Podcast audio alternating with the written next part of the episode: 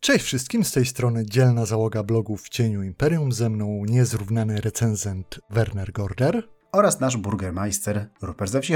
Tak, a dzisiaj chcemy się zająć recenzją najnowszego podręcznika do Warhammera czwartej edycji wydanego po polsku, czyli jest to podręcznik Altdorf Korona Imperium. Teraz, zanim przejdziemy do samej recenzji, też taki krótki disclaimer dla Was, żebyście wiedzieli skąd wychodzimy z naszymi opiniami, jaki jest do tego nasz stosunek i wszystko inne, więc po pierwsze otrzymaliśmy darmowego PDF-a od Copernicus Corporation, czyli polskiego wydawcy, ale prawda też jest taka, że dzięki naszym patronom, jak tylko wychodzą nowe podręczniki w oryginale, to od razu je kupujemy, więc mieliśmy dostęp do samej książki już od dawna. Przeczytaliśmy ją głównie po angielsku i w naszych wcześniejszych materiałach pojawiały się rzeczy z wersji angielskiej. Wersję polskojęzyczną przejrzeliśmy pobieżnie na tyle, na ile mieliśmy czasu, no ale nie będziemy się tutaj pochylać za bardzo nad takimi rzeczami jak tłumaczenia i na ile. No chyba ty. No to przepraszam, to ja nie będę, bo Werner będzie. Bo Werner się zajmie najwyraźniej kwestią tłumaczeń. Natomiast chcemy, żebyście wiedzieli, że tak, no otrzymaliśmy ten PDF. Dużo wcześniej też korzystaliśmy z wersji anglojęzycznej. I tyle. No to nie przedłużając, zapraszamy Was na recenzję.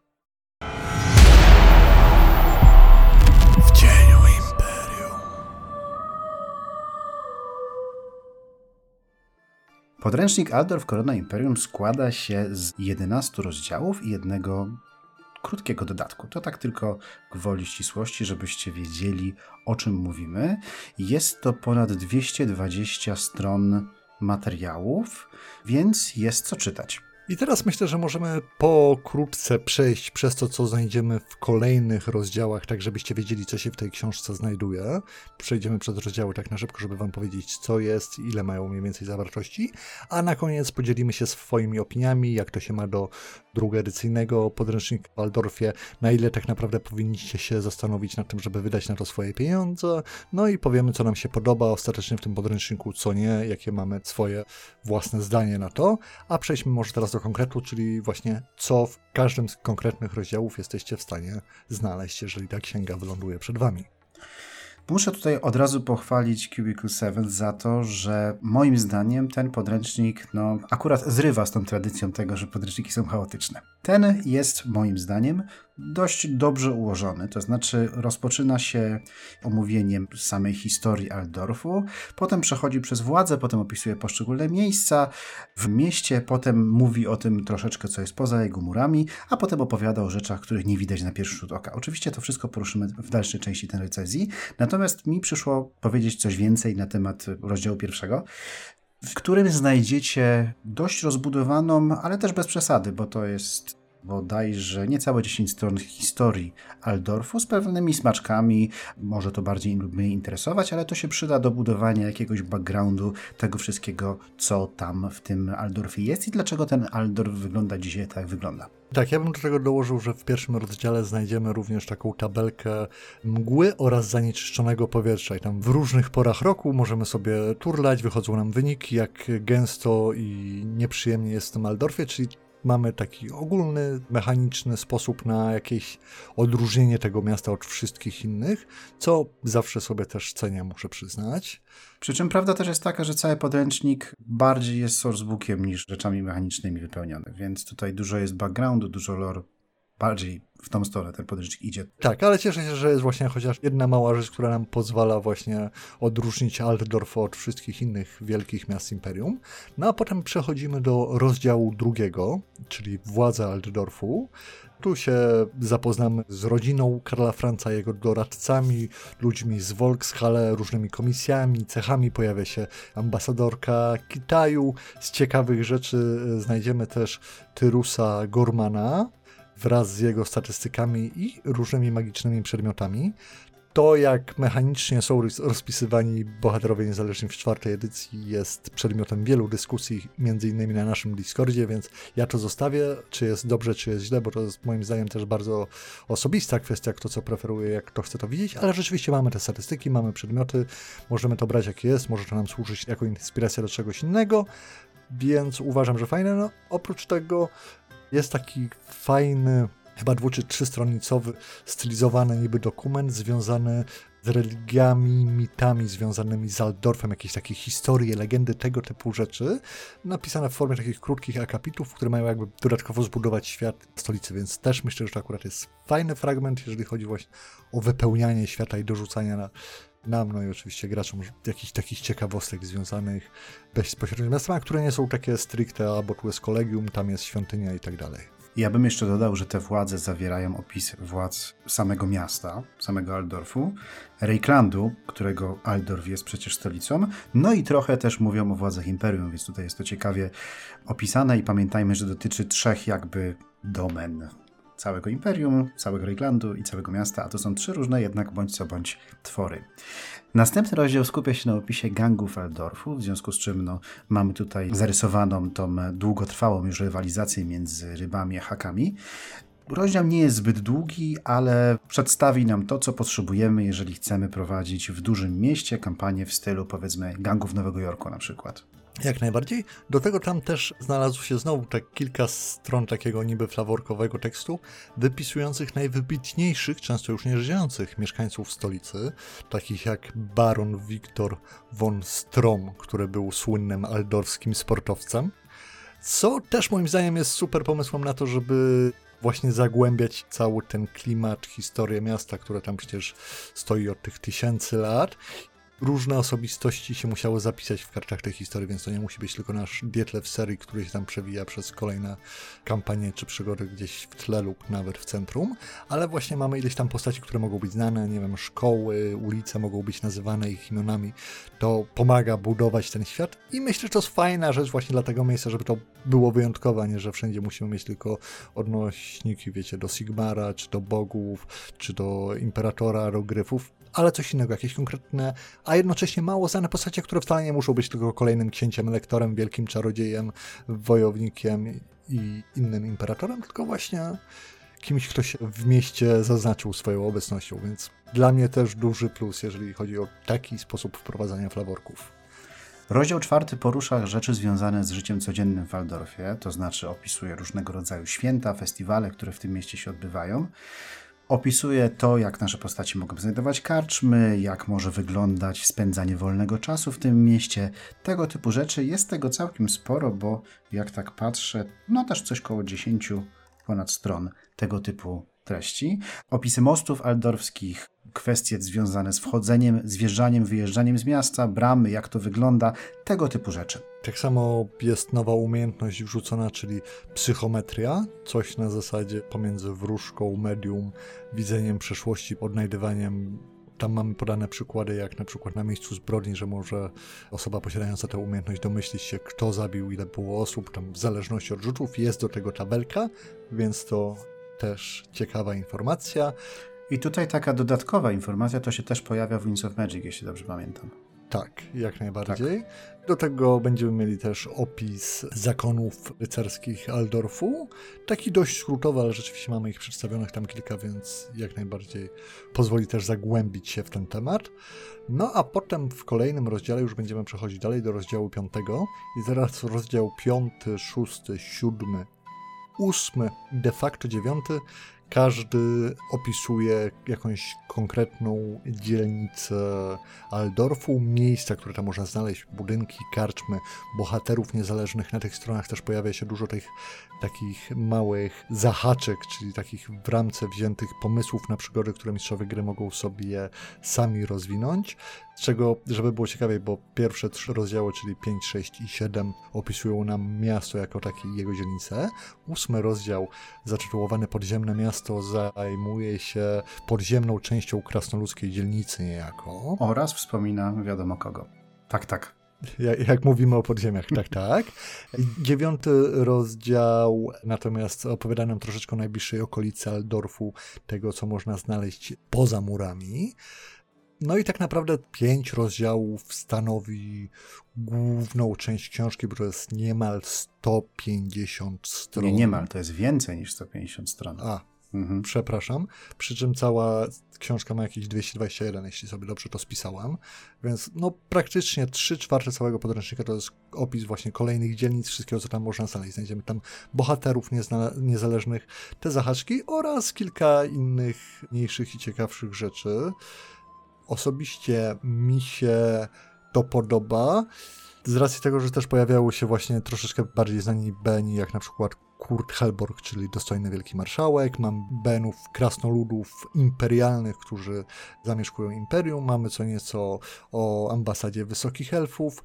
Trochę o kolegiach, chociaż tutaj o kolegiach jest relatywnie mało, no ale wiemy, że to w czwartej edycji zostaje rozbudowane właśnie we wspomnianym podręczniku Winds of Magic. Ale tak, masz tutaj wszystko. Od Pałacu Imperialnego, jakieś tam rzeczy związanych z ogrodem zoologicznym aldorfskim, uniwersytet, przez Metal Szlakę na East Endzie, w Hexerbezirk, tak wspomniałeś, Doki, Königplatz. Jest tego bardzo dużo i szczerze mówiąc nie wiem, czy jest sens, żebyśmy to jakoś tutaj wchodzili w większe szczegóły, bo to jest po prostu 150 kilka stron opisów różnych lokalizacji w tym mieście. Jest z czego czerpać, jest czym się bawić a zapomniałbym, dzielnica Niziołków przecież też osobna, więc jest tego bardzo dużo i no, jest to dość ciekawy materiał po prostu. Jest bardzo duży zahaczek. Nie są one jakoś y, nie wiadomo jak genialne, ale tego jest po prostu bardzo, bardzo dużo i one są po prostu w świecie ciekawe. Tak, no i starają się rzeczywiście korzystać z tego, że w Waldorfie przeplata się wiele ścieżek, wielu różnych istot, prawda, więc właśnie zahaczamy o tematy nieludzi, krasnoludów, niziołków, elfów, wysokich, elfów leśnych. Poprawnie to między wierszami znajdą się, i to też w późniejszej części podręcznika do tego dojdziemy pewnie, lekkie wzmianki o mrocznych elfach, więc Aldorf rzeczywiście stara się być takim światem w świecie. No i w tym podręczniku wystarczy nam naprawdę wskazać jakiekolwiek miejsce na mapie Aldorfu, którą z PDF-em otrzymamy. Wersji drukowanej tej mapy nie dostajemy chyba jako całości z tego, co się rentuje, ale mamy wersję w PDF-ie, możemy sobie wybrać jakieś miejsce, odnaleźć to w podręczniku i znaleźć opis kilku miejsc, które się tam będą znajdowały zaraz obok, czy to będą właśnie gospody, świątynie, domy kupieckie i cholera wie co jeszcze. Jest tego naprawdę dużo. No i wydaje mi się, że wykorzystać to wszystko to naprawdę wiele sesji przed nami, jeżeli ktoś rzeczywiście chce rozgrywać to wszystko w Waldorfie. Rozdział 10 wspomina o szpiegostwie w Waldorfie, to znaczy opisuje różnego rodzaju organizacje zajmujące się zbieraniem informacji. Nie zawsze są to organizacje imperialne, są to też przeciwnicy imperialnych organizacji działających w mieście. Kilka pomysłów na przygody związane ze szpiegami, wykorzystaniem szpiegów właśnie aldorskich w przygodach. Nie jest tego jakoś szczególnie dużo, bo tutaj mówimy coś około o pięciu stronach, ale jest trochę rozbudowane rzeczy dotyczące czarnej komnaty czy innych tego typu organizacji jest. Tak, miłe też jest to, że większość z tych organizacji, jak mamy ich chyba z 10, jak nie więcej, ma podane swoje główne cele, jakimi się aktualnie zajmuje oraz kluczowe osobistości. No i rzeczywiście mamy od różnych wywiadów stricte aldorskich i ze stolicy, po imperialne, po krainy ościenne, czyli Bretonia, Kislev, po również właśnie pojawiały się informacje o wysokich elfach, krasnoludach i mrocznych elfach i ich wywiadach. Więc jest z czym kombinować i mamy nawet takie w ramce jakby zastrzeżenie dla mistrza gry, że jeżeli planuje się kampanię szpiegowską czy sesję szpiegowską i chcemy wykorzystywać tę organizację, to żeby zawsze wziąć o jedną więcej niż myślimy, żeby były kolejne jakby poziomy tych spisków i tego, kto kim kieruje, kto kogo kontroluje i co chce uzyskać i dlaczego. Ja myślę, że to jest bardzo fajna część tego podręcznika i trochę żałuję, że jest taka mała ale no, wydaje mi się, że też jeżeli chodzi o kwestię szpiegostwa w Starym Świecie, czy w ogóle Warhammerze, to dałoby radę napisać o tym cały podręcznik. Może w tym najnowszym dodatku, który się ma ukazać Cubicle 7 o Ranaldianach coś dostaniemy więcej, no ale póki co tego nie wiemy. I potem dochodzimy do rozdziału 11, który jest trochę podobny na tej zasadzie, że opowiada nam o różnych organizacjach. Mamy tam podane kulty chaosu, te również nam już znane z wewnętrznego wroka, jak i trochę bardziej takie ekstremalne stronnictwa od wyznawców Solkana, więc kolejne pomysły już nie tak szeroko rozpisane ze swoimi celami i osobistościami jak te szpiegowskie służby, ale wciąż no, fajne pomysły na to, żeby rozbudować nasze sesje oraz to, co się dzieje w samym mieście, jakich różnych ludzi z różnymi motywami możemy tam spotkać. A na zakończenie dostajemy dodatek wymieniający nowe zajęcia między przygodami, które nasze postaci mogą wykonywać w Aldorfie. Jak wszystkie tego typu rozwinięcia funkcjonujące już w czwartej edycji, są one podzielone pomiędzy to, co mogą robić postaci danej klasy. No jest to dość ciekawe, bo na przykład możemy zająć się inwestycjami w przedstawienia teatralne, tego typu rzeczy. Nie jest tego dużo, no ale jest i w jasny sposób oddziela nas jakby od tego, co dzieje się poza samym Aldorfem, który faktycznie no, jest takim światem w świecie, gdzie indziej można by właśnie pobawić się w impresarię i zainwestować swoje ciężko zarobione podczas przygód Złote Korony w właśnie jakieś przedstawienie, w jakiś musical, dajmy na to. Na gościńcach już listopad, ale my mówimy nie jesiennej gawędzie. Dość błądzenia po bezdrożach, gdy twoja drużyna może zatracić się na ulicy stu tavern. Niech nie giną od ciosu Bestigora, tylko wyzioną ducha w lochach czarnej komnaty. Koniec spania na sianie, gdy nie stać ich na gospodę. Teraz mogą spać na ulicy przed pałacem samego imperatora do czasu pojawienia się Straży Miejskiej. Trzy kopie najnowszego podręcznika Altdorf, Korona Imperium, oczekują na odważnych patronów, chcących rzucić wyzwanie stolicy Imperium i swoim graczom. No i to tyle byłoby z rozdziałów. Teraz czas na nasze opinie i no ile powiem, że tak podręcznik mi się podoba, to muszę zacząć od moim zdaniem naprawdę ogromnego minusu, i to jest fakt, że o ile w tym podręczniku mamy praktycznie wszystko, czego byśmy mogli potrzebować do prowadzenia przygód w Altdorfie, to akurat specjalne zasady pochodzenia z Altdorfu dla ludzi, krasnoludów, te modyfikacje umiejętności, jak tworzymy nową postać, znajdziemy w archiwach Imperium tom trzeci. Tak, jest to dość dziwne. Nie, to jest naprawdę kiepskie ze strony Cubicle 7. W sensie, ja, o ile cieszę się, że te archiwa Imperium nam wyrzucają różne takie mniejsze rzeczy i rzeczy, które nie zasłużyły na pełny dodatek, no to trzeba przyznać, że mieć całą książkę poświęconą Aldorfowi, a jednocześnie, żeby dostać. I to jest de facto jedna strona, bo tam są duże obrazki w archiwach Imperium, gdzie są właśnie te pochodzenia dla Aldorfczyków. Więc to jest de facto jedna strona i tego nie ma w tym podręczniku, tylko jest w archiwach trzecim tomie. No, to nie jest tak naprawdę duża strata, bo to każdy MG może sobie na szybko dorobić, jak potrzebuje, ale moim zdaniem to jest jednak duży minus, bo tak się nie powinno wydawać takich rzeczy. Tym bardziej, że też trzeba przyznać, że jak duży ten podręcznik by nie był, jak wiele rzeczy by nie zawierał, jeżeli chodzi o koronę Imperium, no to trzeba przyznać, że do takiego pełnego podręcznika Daldorfu, to i tak potrzebne są właśnie Winds of Magic, te, które opisują nam kolegia dokładnie i tak dalej. Bo tutaj mamy o tym tylko wspomniane i przy założeniu, że nie chcemy nic robić z kolegiami i z czarodziejami za bardzo, to wystarcza. No ale wiemy, jak to na sesjach jest, więc troszeczkę to Winds of Magic no pięknie nam to uzupełnia, ale to też jest problem, że wiesz, żeby mieć te wszystkie informacje wydane przez Cubicle 7, na dzień dobry trzeba pół drugiego podręcznika i jedną kartkę z jeszcze trzeciego. O ile z tym pochodzeniem Saldorfu się z Tobą jak najbardziej zgodzę, to jeśli chodzi o same kolegia i to, że koniecznie, żeby to wszystko było w jednym miejscu, to potrzebne byłoby też Winds of Magic, to się akurat nie zgodzę, bo tutaj oczywiście wszystkie te kolegia są opisane, tylko w taki sposób, jaki można je zobaczyć lub nie można ich zobaczyć, patrząc z zewnątrz. A tam jest po prostu więcej, jeżeli już jesteś w środku. I tyle, moim zdaniem.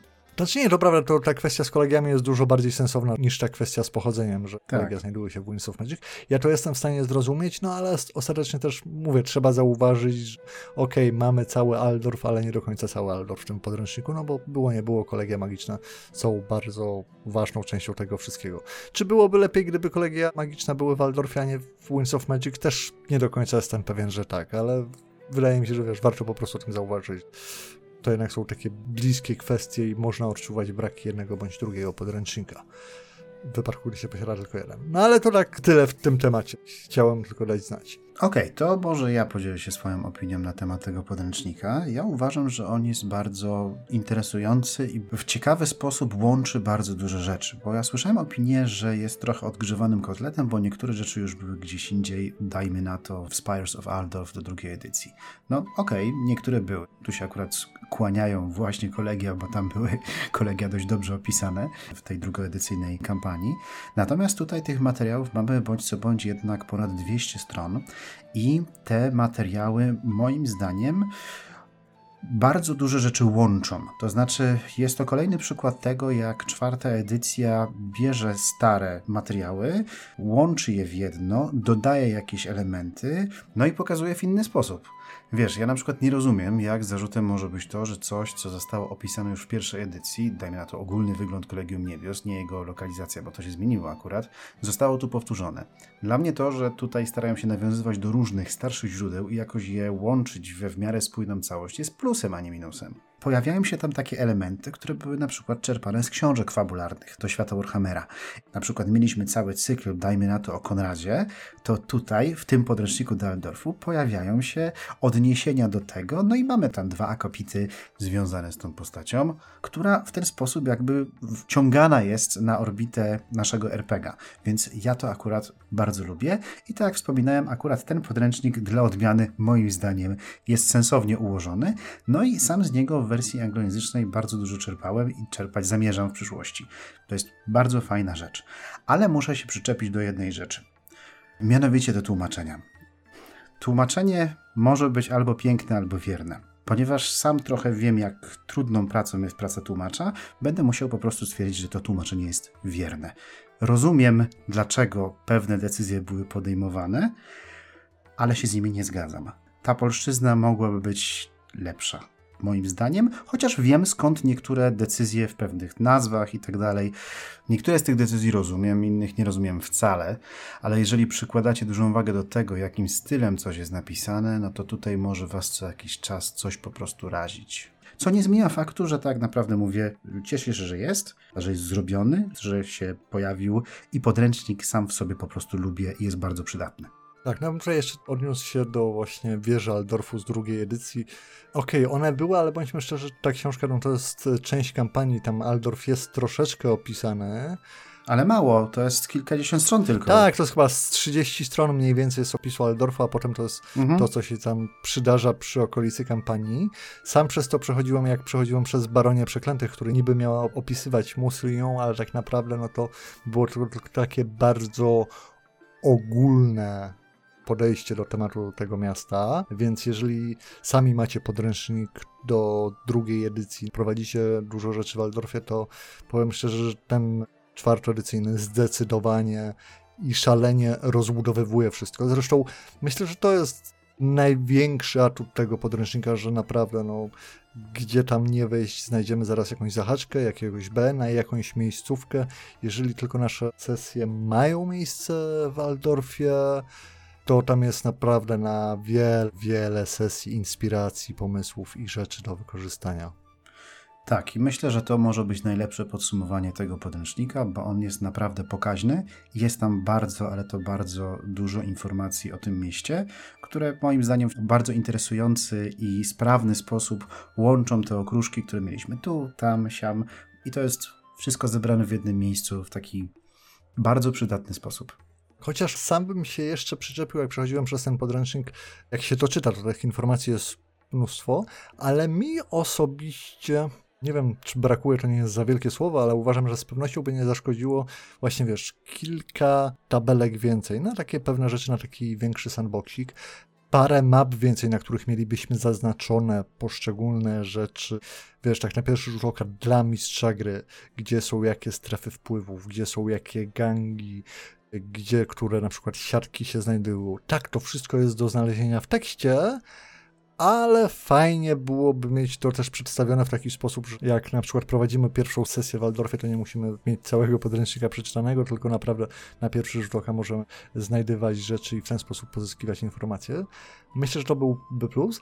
Tak czy inaczej, ostatecznie trzeba sobie odpowiedzieć na pytanie, czy warto kupować ten podręcznik. Ja uważam, że jeżeli ktoś planuje rzeczywiście siedzieć w tym Waldorfie ze swoją drużyną przez ileś sesji i boi się, że nie wie, co będzie w nim musiał wymyślać, to zdecydowanie, bo jest tam mnóstwo informacji, to jest tak zrobione, żeby móc w tym mieście grać całe kampania i to nawet pewnie więcej niż jedną.